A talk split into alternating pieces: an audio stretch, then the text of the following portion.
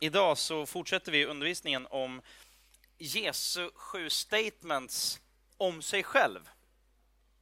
Det är ju sådär att eh, ni känner till, någon har läst psykologi och eh, olika sådär. Man tittar på någonting som heter Johari fönster, man tittar på sig själv, vad jag vet om mig själv och ingen annan vet. Vad andra vet om mig, men jag vet inte.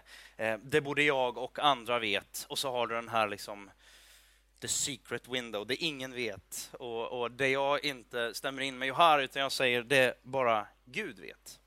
Men vi har ju massa åsikter om vem Jesus är. Och han säger ju, och, och den här serien är sju delar då, där han talar om och har väldigt tydliga ord kring vem han själv är. Vi önskar här United att inte bara undervisa en massa goda idéer, massa fina tankar. Eh, det har vi kanske också, förhoppningsvis, lite då och då kan vara ett guldkorn här och där. Men framför allt så vill vi försöka lyfta fram vad säger Bibeln om Gud, om Jesus Kristus. Eh, och nummer ett då, vem är han? Eh, vi kan göra så här att vi börjar läsa texten för idag. Johannes evangeliet kapitel 8, vers 12 till 20. Är ni med?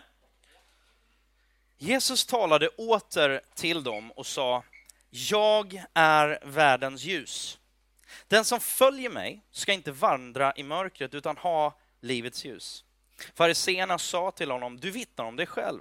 Ditt vittnesbörd är inte giltigt. Jesus svarade, även om jag hittar, eh, vittnar om mig själv är mitt vittnesbörd giltigt. Eftersom jag vet varför jag har kommit och vart jag går. Ni vet inte varifrån jag kommer eller vart jag går. Ni dömer på människors vis. Jag dömer ingen. Och även om jag dömer är min dom rättvis eftersom jag inte är ensam utan Fadern som har sänt mig är med mig. Också i er egen lag står det skrivet att vad två människor vittnar är giltigt. Jag är den som vittnar om mig själv och mig, om mig vittnar även Fadern som har sänt mig. Då frågar de, vad är din far? Jesus svarade, ni känner varken mig eller min far. Om ni kände mig skulle ni också känna min far. Dessa ord talade han vid offerkistan när han undervisade på tempelplatsen. Men ingen grep honom eftersom hans stund ännu inte hade kommit. Det är lite konstigt att, att eh, och vad spelar det för roll att han varför står det att han talade vid offerkistan och han undervisade på tempelplatsen och att ingen grep honom? Grejen är så här att det här ordet, eller när han säger ”jag är”, bara de orden eh, står för Gud.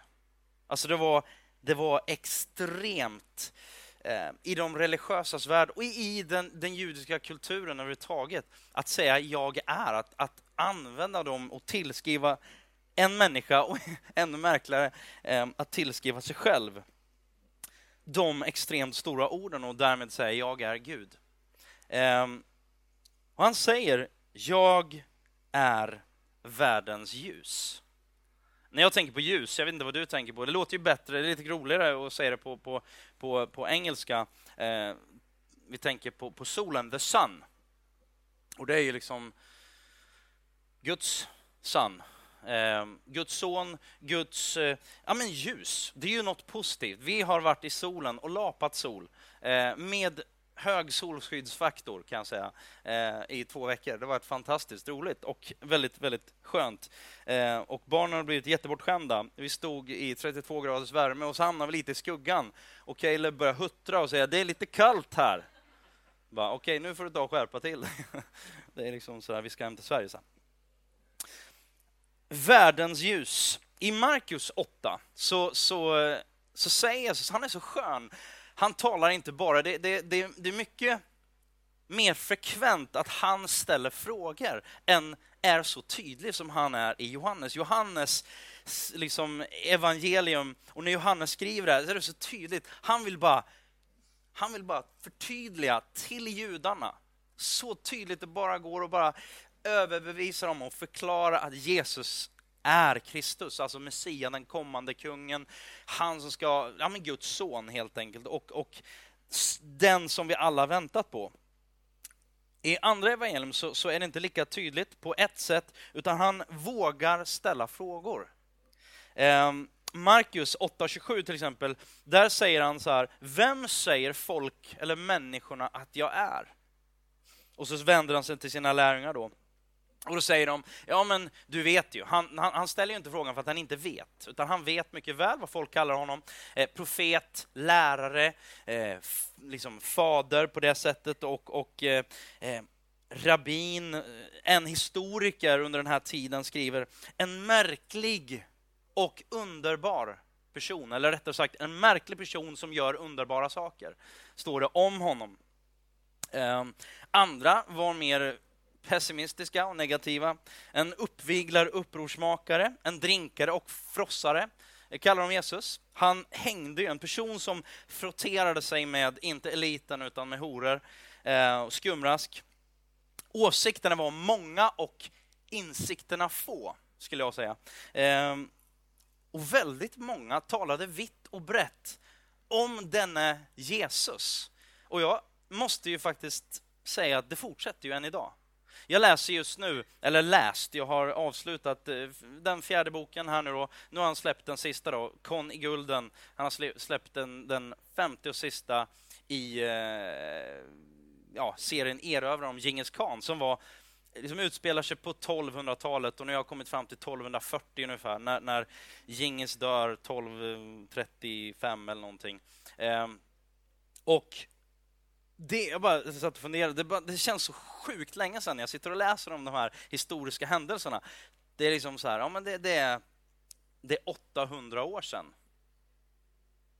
Det här är 12 flipping 100 år till. Tidigare. Och ändå pratar vi bra mycket mer om Jesus Kristus än om Genghis khan. Fast Genghis khan skrev själv och lät skriva hur mycket som helst. Jesus skrev ingenting. Han, han, eh, på, på, på, det sättet, han skrev i marken och lite sådana saker. Men han lät inte skriva en massa saker själv. Utan han ställde frågor och han tränade folk. Eh, och det intressanta är att Djingis khans rike, det var 350 mil, nej förlåt, eh, 1500, alltså 1500 mil, det täckte typ halva jorden. Det, var, det är världens största, någonsin största rike. Så. Och eh, vad finns bevarat av, av Genghis khans rike idag? Ja, men det finns ju en massa saker naturligtvis på ett sätt. då. Eh, men jag läste om att hade, hade, man inte, hade inte Genghis son dött i sista stund när de intog, var på väg att inta Europa så skulle vi mycket väl kunna prata mongoliska här idag Eh, och så vidare. Det var väldigt eh, så spännande då. Men vi pratar väldigt lite om det idag.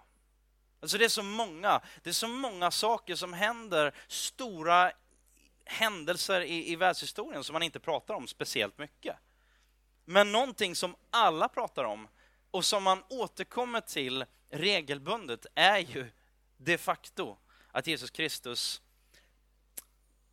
ja, detta, vad man nu, vad man nu vill göra med det tid, eh, liksom våran tids, tid, tids början på det sättet. Vi räknar år noll i och med att han föddes och så vidare. Men vad är det man säger? Vi har ju allt ifrån eh, våran kära Elisabeth Olsson Wallin som, som, har, som vill lyfta fram saker eh, om den Jesus Kristus som, som hon inte tror på. Eh, eh och, och ehm, man tänker på Jesus Christ Superstar, kanske några har sett den. Eh, jag skulle gärna vilja se den, jag har inte sett den än. så. Eh, jag tycker det är ändå ganska märkligt och förefaller för mig i alla fall lite ologiskt att man lägger ner, och det är så många som lägger, lägger ner extremt mycket tid på att bevisa att Jesus Kristus, som man ändå inte tror på, inte finns. Eh, och, och, att han inte är den man tänker att han är, eller rättare sagt att han inte är den som Bibeln säger att han är. Jag har ju fortfarande att förstå vad är på ett sätt, och vi ska läsa om varför jag tror att man är lite rädd för att Jesus verkligen ska vara det han säger att han är. Varför, vad är det som gör att man är så rädd? Vi kommer nog till det, tror jag. Men jag tänker på Jonas Gardells bok, av media hyllade bok, om Jesus, heter den. Eh, Lite fakta då om Gardells bok. Ehm, den avviker direkt eh, tydligt från den klassiska kristna tron ehm, och motsäger även bibliska texter eftersom han inte, nummer ett, då, tror på jungfrufödseln. Och det får man ju, kan man ju välja att tro på eller inte tro på. Eh, han menar att Jesus var en oäkting eftersom Maria inte hade barnet ihop med hennes man Josef. Ehm, vilket man i och för sig, det skulle jag kunna hålla med om, eh, oäkting på det sättet att Gud var far då. Han tror inte att Jesus gjorde under, inte att Jesus kom för att förlåta synder. Han tror inte på att, människornas, eh, att han bar människornas synd på korset. Eh, han påstår att Gud är som... Eller om, om Bibeln har rätt så blir ju Gud, så säger han så här, då blir Gud som Hitler, som ägnar sig åt utrensning om inte alla automatiskt kommer till himlen. Det är liksom sådär, det är hans. Så att jag tycker det är jätteviktigt att lyfta fram vad, vad säger Bibeln egentligen om de här olika bitarna. Ehm, och ge sig in i debatten. Jag tycker det är bra med debatt, det är bra att vi samtalar och jag blir orolig om det inte är någon som eh, gör en, en, en, en ekohomo eller skriver, vad, vad, det skapar debatt. Vi gillar debatt, vi vill vara öppna, vi vill gärna ha, ha samtal. Det värsta som kan hända är att det är helt tyst. Det är, helt, det är inte bra. Vad säger då Bibeln? Eh, och en... en eh, ja, men man, folk har ju massa åsikter och tankar, sådär. Eh, och jag också. Vi alla har ju vår egen, vår egen syn på eh, Jesus, Gud. Någon säger jag tror inte på kyrkan och maktens Gud. Ehm, och avfärdar på det sättet en Gud som fungerar i de, bara de stora och de makt, eh, liksom mäktigas eh, sådär, rum. Så. Ehm, jag tror inte på en skäggig gubbe bland molnen, säger någon annan. Jag kan inte tro på en hård och dömande Gud, säger den tredje. Ehm, och Jag tror vi skulle kunna fortsätta ganska länge. Vem är Gud? Vem är Jesus på det sättet? Och Jag skulle vilja säga så här, men jag vill gärna tro på den här guden som står i psalm 68. Herren är hans namn. Jubla inför honom, de faderlösas fader, änkornas försvarare. Gud i sin heliga boning. Gud ger dem ensamma ett hem och de fångna frihet och lycka. Den guden kan jag tro på och den ska vi läsa lite mer om. Vad är Bibelns och Bibelns bild av Jesus och hans egen, eh, liksom, det han, det han säger och Jesus säger om sig själv? Johannes skriver i sitt första kapitel och vers 18. Ingen har någonsin sett Gud. Och det är Jesus som talar. Den enda sonen, själv Gud, och alltid nära Fadern, har förklarat honom för oss. Vi kan ana en hel del och vi kan gissa någonting annat. Det finns ingen som har en full bild av Gud. Jag har hela bilden, jag vet allting, jag, det finns ingen som kan säga så. Däremot, om du bara kommer ihåg en sak från det här, jag är världens ljus. Så kan man prata om det här med ljus. Jag ska försöka att förklara lite grann vad kontexten för texten är här om en liten stund. Men eh, grundläggande så handlar ju hela, hela grejen och egentligen Jesu liv att Gud blir människa. Alltså, Jesus är Gud och Jesus är som Gud. Ja, han är Gud, han är som Gud och han är Gud. Eh, som Jesus var, sån är Gud. Punkt.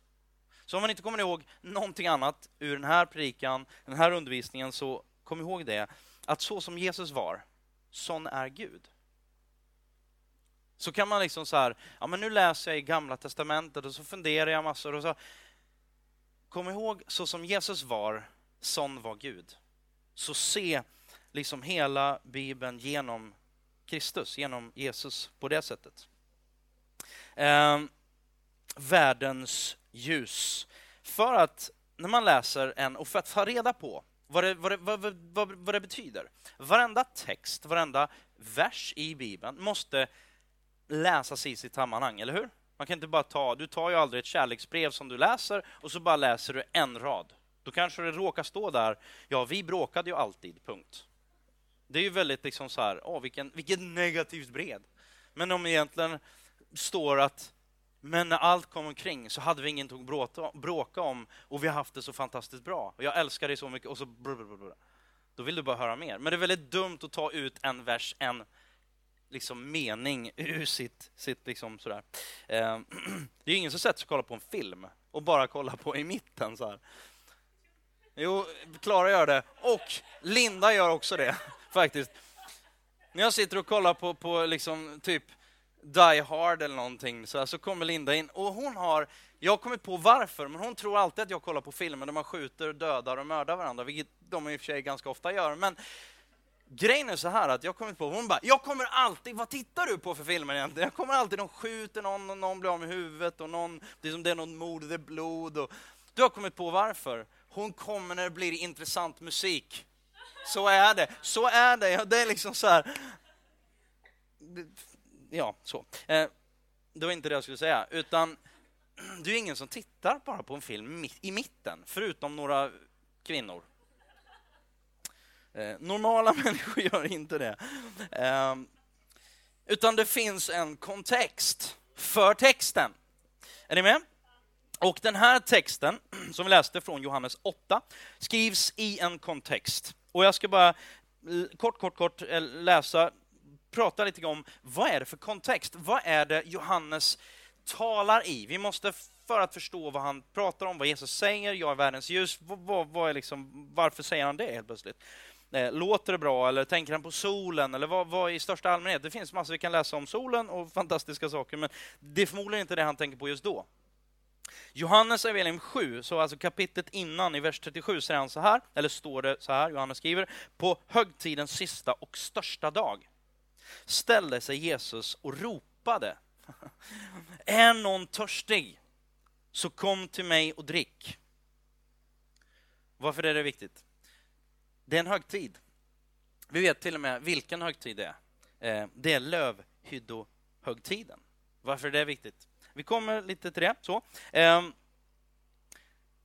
man tittar på, man vet alltså att, att Jesus, för, för ska vi se här, eh, i vers 20, alltså Johannes 8 och 20. Dessa ord talade han vid offerkistan när han undervisade på tempelplatsen. Alltså vet vi att det var under lövhyddohögtiden och att det var högtidens sista dag och vi vet var han stod. Så vi vet ganska mycket om situationen, sådär.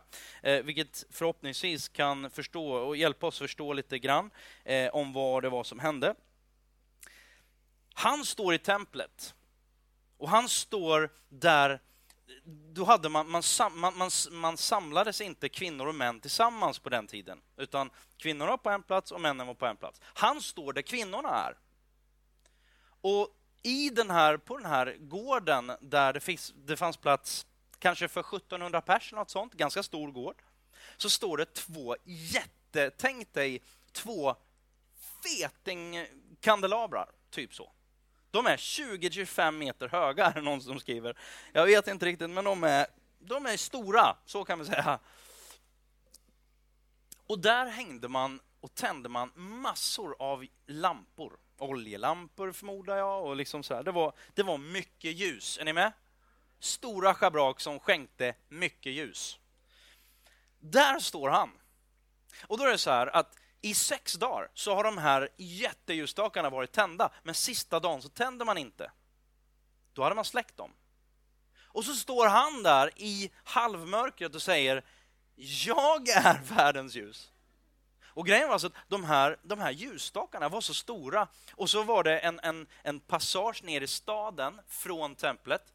Så när de här ljusstakarna lyste så kunde man se ljuset ända ner i staden. Är ni med?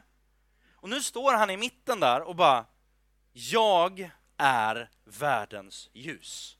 De här två, de är 25 meter höga, jag är 1,85 typ så här. Jag är världens ljus. Det är så lätt att sätta och vilja, vi vill så gärna fästa vår blick på någonting vi kan se, ta på, känna. Och så säger han, jag är Gud, jag är ljuset som ni letar efter. Har ni varit med om ett elavbrott? I vintras så var det, det var väl en av de här dagarna, jag kom hem med barnen eh, och typ strax efter att vi har kommit hem Helt plötsligt, det är liksom kvart över fem i januari i Sverige. Då är det typ mörkt kan man säga. Och så blir det elavbrott. Och då, då blir man så här, så man blir Sverige 2013? Alltså blir det elavbrott fortfarande? Men det blir det faktiskt ibland. Och eh, man tänker, undra hur länge det här ska hålla på? Och det höll på i typ nästan en timme. Men det första jag hör, det är så här. Mobilen, vad skönt, där har vi lite ljus. Så jag sätter ju på min app som är en ficklampa, liksom så här. Och så har vi, då, då har man ficklampa, alltså. och, och barnen blir rädda. De blir rädda direkt. Bara, oh, vad är det som händer? Någon eh, börjar gråta lite grann och så bara tänder man, då slutar de gråta. Ljus är skönt, eller hur? Och sen kommer det här då, den bistra sanningen är att det inte bara är bister sanning, utan det är bistert ute. Och det riskerar att bli bistert inne om man, om man liksom har, har lite så här otur och det är väldigt lång. Så tänker man så här, alltså vad skör vår vardag är. Tänk om det skulle bli alltså minus 15, minus 20, vilket det kan vara, eh, och så bara blir det elavbrott i två dagar. Då är det ganska kallt inne. Eh, inte direkt Cypern, som tycker det är kallt när det är liksom 18 eh, plus. Men mitt i allt det där så bara inser man att ljus är så viktigt.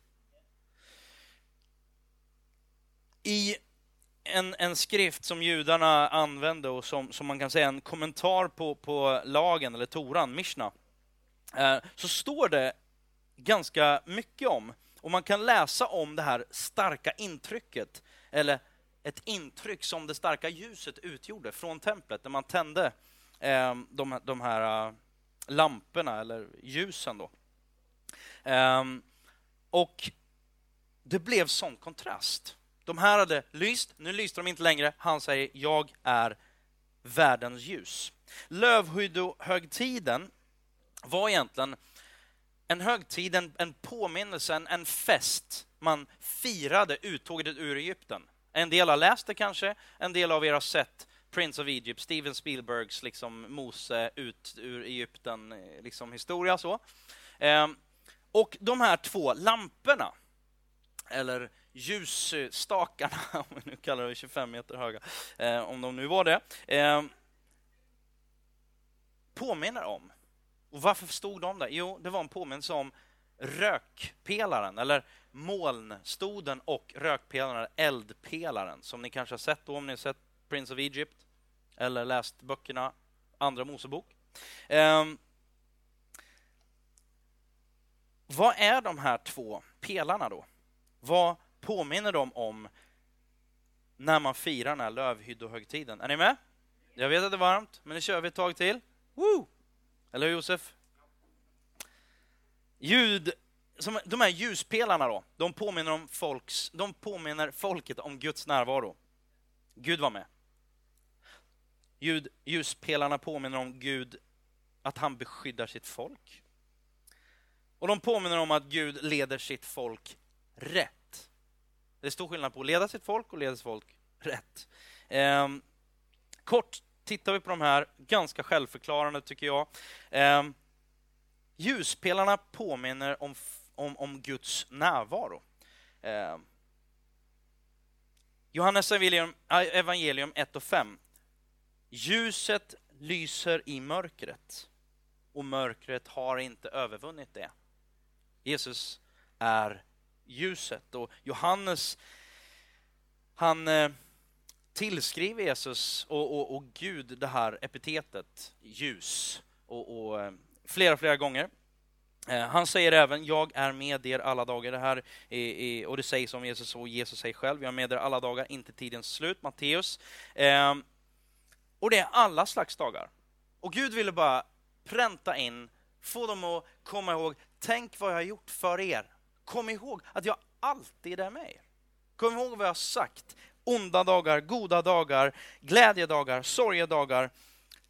Jag är med alltid.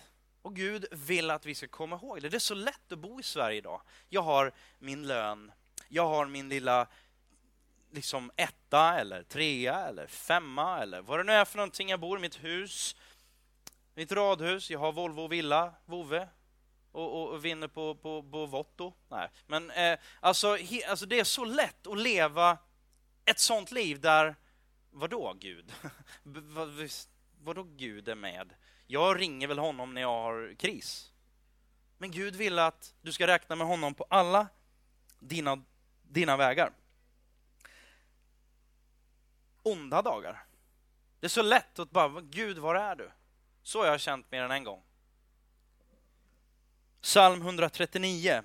Det här är så, liksom så här, David, kung David, som kanske har hört om. Psalm 139 skriver han så här, vers 11 och 12. Om jag säger, mörker må täcka mig, ljuset omkring mig blir natt, så är inte mörkret mörkt för dig. Natten är ljus som dagen, själva mörkret är ljus. För Gud är ljus. Inget mörker finns i honom, står det senare i Johannes brev. Um, och det är bara kort och gott, utifrån den här texten kan man ju faktiskt säga så här att som man bäddar får man inte ligga.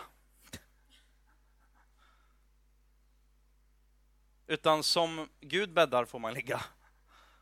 Och räknar man med Gud, det innebär inte att vi fråntas vårt ansvar och så vidare. Ehm, när det har med evigheten att göra så är det upp till Gud. Nummer två, ljusspelarna påminner om att Gud beskyddar sitt folk.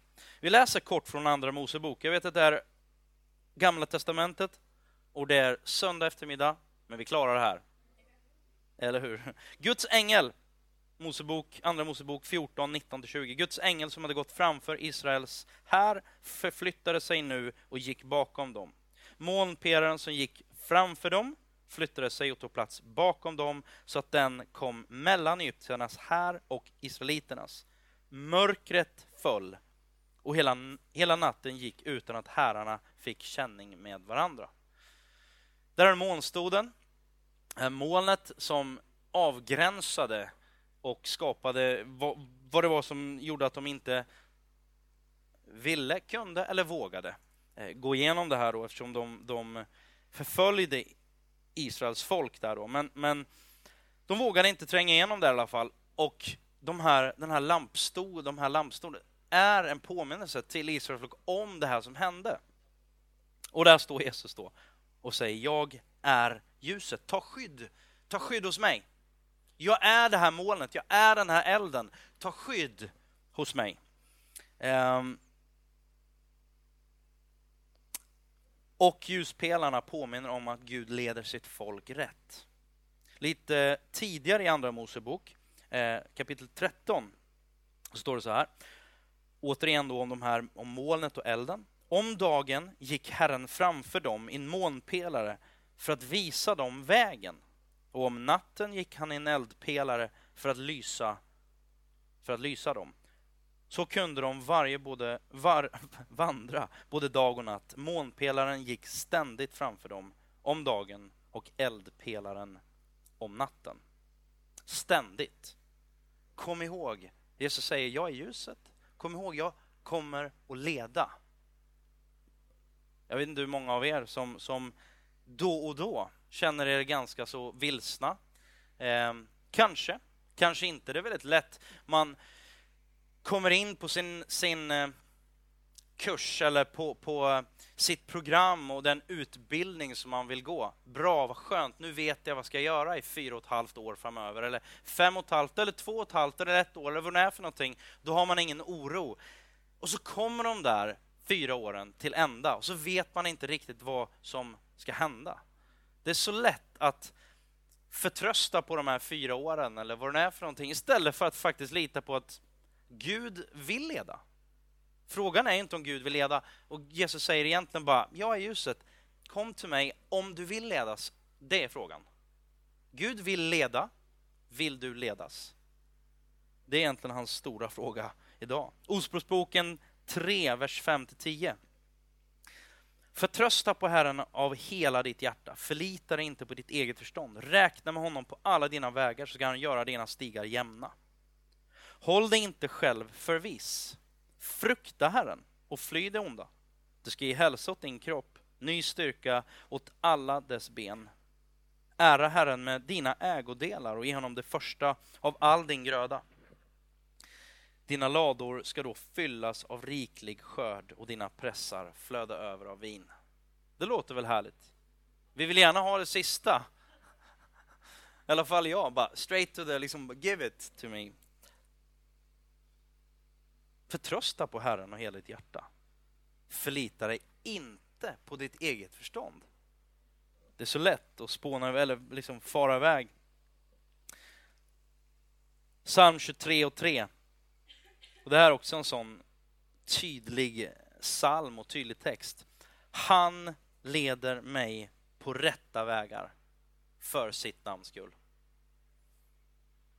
Han är mäktig att leda sitt folk in i det som han har bestämt för sitt namns skull. För att han vill det, för att han älskar oss.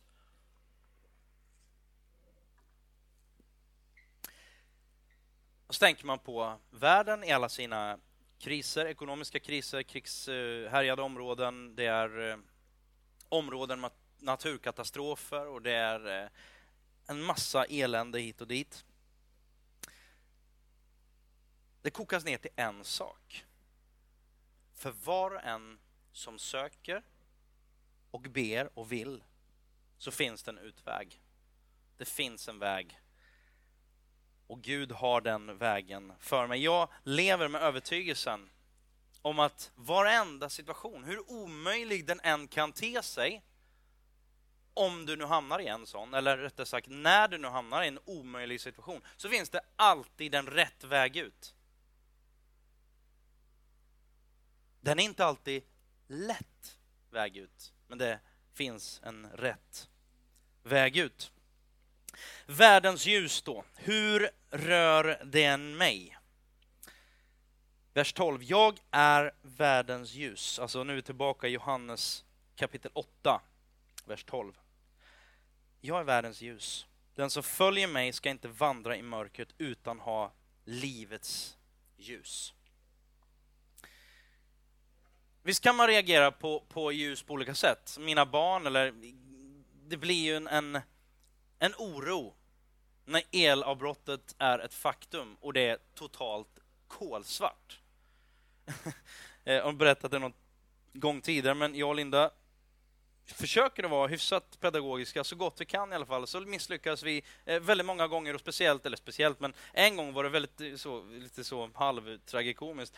Eh, jag skulle ut, och, som jag vill ibland, så där, stänga, ja, stänga ute mig, jag säga, stänga bort mig, försvinna och vara själv och jag skulle vara själv ute i skogen i en stuga i tre dagar. Så skulle Linda och barnen köra dit mig och vi hade ätit på Max på vägen dit och bara så här, yes, vad härligt. Och så är det, eh, såg lite familjeglädje i bilen. Och så kommer vi fram och då är vi mitt ute i skogen. Det finns inga andra hus där och det huset som jag skulle in i var helt mörkt. Det var liksom sommarstuga som jag skulle försöka uppliva där på, på, på vintern. Och det är bara snö och elände och kallt. Och jag har en, jag har en liten ficklampa och så bara kör vi ut, vi säger ingenting, ingenting till barnen utan bara, jag ska, pappa ska bara ut här nu, vi stannar Så bara, pappa ska ut här och eh, så åker vi härifrån. Och, och bara släppte av mig där och jag tände lite ficklampa och ut med mina väskor och allting så bara hej då och barnen bara Wah! Fick ju panik för att släppa pappa mitt ute i mörkret och ute i skogen sådär. Man kan reagera väldigt olika på ljus och mörker. Eller ja, där det inte finns något ljus. En del vill ju inte ha ljus. Jag tänker omedelbart på Jönssonligan. Den gamla liksom härliga filmen sådär med, med, vad heter han? Gustav, nej, han heter ju Gösta heter han, Ekman. Precis. De vill ju inte ha ljus när de försöker att bryta sig in på natten i, i liksom vad nu heter, jag kommer inte ihåg, men, men de här olika kassaskåpen. Einar Frans Jäger, ja något sånt. Wall Enberg, ja. Inte Wallenberg, utan Wall Enberg. Tack Viktor. Um, så är det ju. Det är inte alla som vill ha ljus. Hur många av er har någon gång, liksom billigt talat eller faktiskt verkligt eh, så, blivit tagen med fingrarna i kakburken? Jag har blivit det rent liksom praktiskt många gånger. Eh, en gång så hittade man, jag snodde kakburkarna, för det var liksom i, bara, de bara försvann och jag tänkte, det kommer mamma aldrig märka. Hallå! Liksom hon har stått och bakat dem och helt plötsligt var de borta. Så hittade jag dem följande vinter, för då, då hade jag glömt bort den där stackars. Det var inte så trevligt längre. Ehm, inga trevliga kakor längre, så. men, men eh, Första Johannes brev. Han skriver så här. Om vi säger att vi har gemenskap med honom men vandrar i mörkret, då ljuger vi och handlar inte efter sanningen. Och det är så lätt att kalla sig för präst eller pastor eller kristen eller dittan och dattan. Och så gör vi en massa saker som bara bevisar att det är ju inte alls så att vi är några goda Kristi efterföljare. Och skulle du fråga mig sådär, Daniel, är du, är du kristen? Så rent sådär, så, så det är inte säkert att jag skulle svara ja. Det beror på vem du är. Jag kanske skulle fråga så här, vad menar du? Därför det är så lätt att tillskriva en massa epiteten, titlar, en massa saker, men vi vet egentligen inte vad, vad innebär det? Jag skulle kunna säga att ja, men om du, alltså, kristen är du när du alltid följer i Kristi Jesu fotspår. Då är jag per definition inte kristen. För jag gör inte alltid det. Jag fallerar många gånger. Det kanske varit vårt stående samtal under den här semestern. Bara våran bön och längtan är att Gud hjälp oss att faktiskt räkna med dig på, på alla våra vägar. Inte bara på hyfsat många vägar, utan på alla vägar i livet. Faktiskt söka honom aktivt. Det är så lätt att bara, ja men det finns ingen som söker Gud, utan det är bara Gud som gör allting. Och så blir vi loja, vi blir lite förtjoffade. Men vi behöver aktivt söka Gud. Vi behöver faktiskt välja varenda dag att plocka upp vårt kors. Det är Jesu, Jesu egna ord. Ta upp ditt kors och följ mig. Om du vill det, så måste du det. Vill du följa mig så måste du ta upp ditt kors. Du måste offra, du måste... Och förhoppningsvis så blir det inte bara ett stort fett måste, utan någonstans så vill du. Men precis som med alla relationer så kostar det någonting. Alla relationer kostar någonting. Alla, all kommunikation kostar någonting. Kommunikation per definition är en slags, du måste eh, kompromissa. Du måste sätta dig i, för annars är det bara, ja men du måste ju tala så att du blir förstådd. Jag måste tala med mina barn på ett sätt och tala med Gud på ett sätt och tala med kompisar på ett annat sätt. Man talar på olika sätt, men jag måste, jag måste sätta mig i en situation, jag måste kompromissa på det sättet. Så att den andra personen kan, kan förstå. Det handlar om offer, det handlar om att ge. Och mitt i det där så, så Gud vill att vi kommer till honom och söker ljuset. Han säger, jag är ljuset. Han säger inte, jag kommer lysa för dig vare sig du vill eller inte, jag kommer leda dig vare sig du vill eller inte. Tittar jag tillbaka på mitt liv så kan jag, komma, jag, kan, jag kan räkna upp hur många gånger som helst där jag har undrat själv, var är Gud? Vad vill Gud? Hur ska jag tänka nu? Vad är mitt ansvar? Han har, jag tror jag har fått för mig att han vill att jag ska göra det här, men nu sitter jag i den här situationen, vad jag ska göra nu? Då ska jag titta tillbaka och ska jag bara säga att oj, Gud har lett hela tiden. Och de gånger han inte har lett så har jag velat stå där och jag, vill inte, jag har inte velat att Gud ska leda. Utan då, då har jag velat köra på helt själv. Jag är världens ljus. Den som följer mig ska inte vandra i mörkret utan ha li, livets ljus. Det är så lätt och så ofta, jag ska avsluta med det här, det är så lätt att vi fastnar i kostnaden att följa Jesus. Det är så lätt att vi fastnar i de sakerna. Men egentligen så finns det en mycket viktigare fråga. Denna väg som ibland till synes kan vara så smal och bred. Jag vet inte hur många, men, men det var inte länge sedan som vi i samtal sa varför är det, och då, du vet man stänger, man sätter ihop tänderna och så blir man lite så här, varför i hela friden är det så svårt att följa Gud? Det är så lätt att inte följa Gud.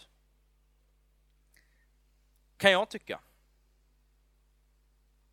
Men egentligen så är inte frågan vilken kostnaden är, utan frågan är ju vart bär vägen? Var är jag på väg? Det är så lätt att bara leva här, just nu, hela tiden, jämt. Det är jättebra att vara närvarande. Jag vill att när vi pratar så här så förhoppningsvis sitter man inte bara och tänker på vad man ska äta sen och göra nästa år eller liksom vad, vad det nu är för någonting, utan man är här just nu. Det är ganska bra. Men det är också ganska så bra att leva på ett sätt som inte bara är bara just nu, utan leva i spänningen mellan här, just nu, men ännu inte, utan det komma skall. Frågan är ju inte hur man känner alltid. Frågan är inte vad jag säger alltid. Frågan är inte vad jag läser alltid, vad jag tycker alltid, utan var jag är på väg. Det är ju faktiskt en väldigt viktig fråga. Och var du är på väg, skulle jag säga. Svaret på den frågan är ju, vem följer du? Det är ju liksom så här, the question. Vem följer du? Säg inte att du inte följer någon. Du kan säga, möjligtvis kan du säga att du följer dig själv. Jag tror att det går att följa sig själv till en viss punkt. Men du kommer alltid följa någon annan på det sättet att det är någon annans idéer, du kommer vara, eller någon, kanske ett hopkok av många idéer som du har kokat ihop själv och du kommer vara påverkad av omgivningen. Skulle du vara född i Kuala Lumpur eller någon annanstans så skulle du ha en helt annan syn på saker och ting. Säg inte att du är helt, liksom, ja men jag är helt eh, opåverkad. Jag har skapat helt min egen värld och bild. Get a life and grow up. Eller hur? Så det är inte vad vi säger, vad vi känner som avgör främst var vi ska eller var vi kommer, utan snarare vem vi följer. Och Romarbrevet 13 och 12 säger så här, natten går mot sitt slut. Det är Paulus som skriver, natten går mot sitt slut och dagen är nära. Det är ett där gammalt uttryck som, som sjömännen hade när de var på väg in. Det var disigt, det var dåligt väder. Då letade de efter en sak när de var på väg in till hamnen. Vad letade de efter? De letade efter ett ljus. Och när de såg ljuset så sa de så här, ljus för över. Då var det skönt. Bra, då vet vi. Nu är vi snart hemma. Det är precis det som Paulus säger. Ljus för över. Dagen är nära. Natten går mot sitt slut. Och det är det här ljuset han ser. Och jag vill helt och hållet avsluta med Uppenbarelseboken 22.5. Och det ska inte mer bli natt. Och ingen behöver längre ljus från någon lampa eller solens ljus, ty Herren Gud ska lysa över dem.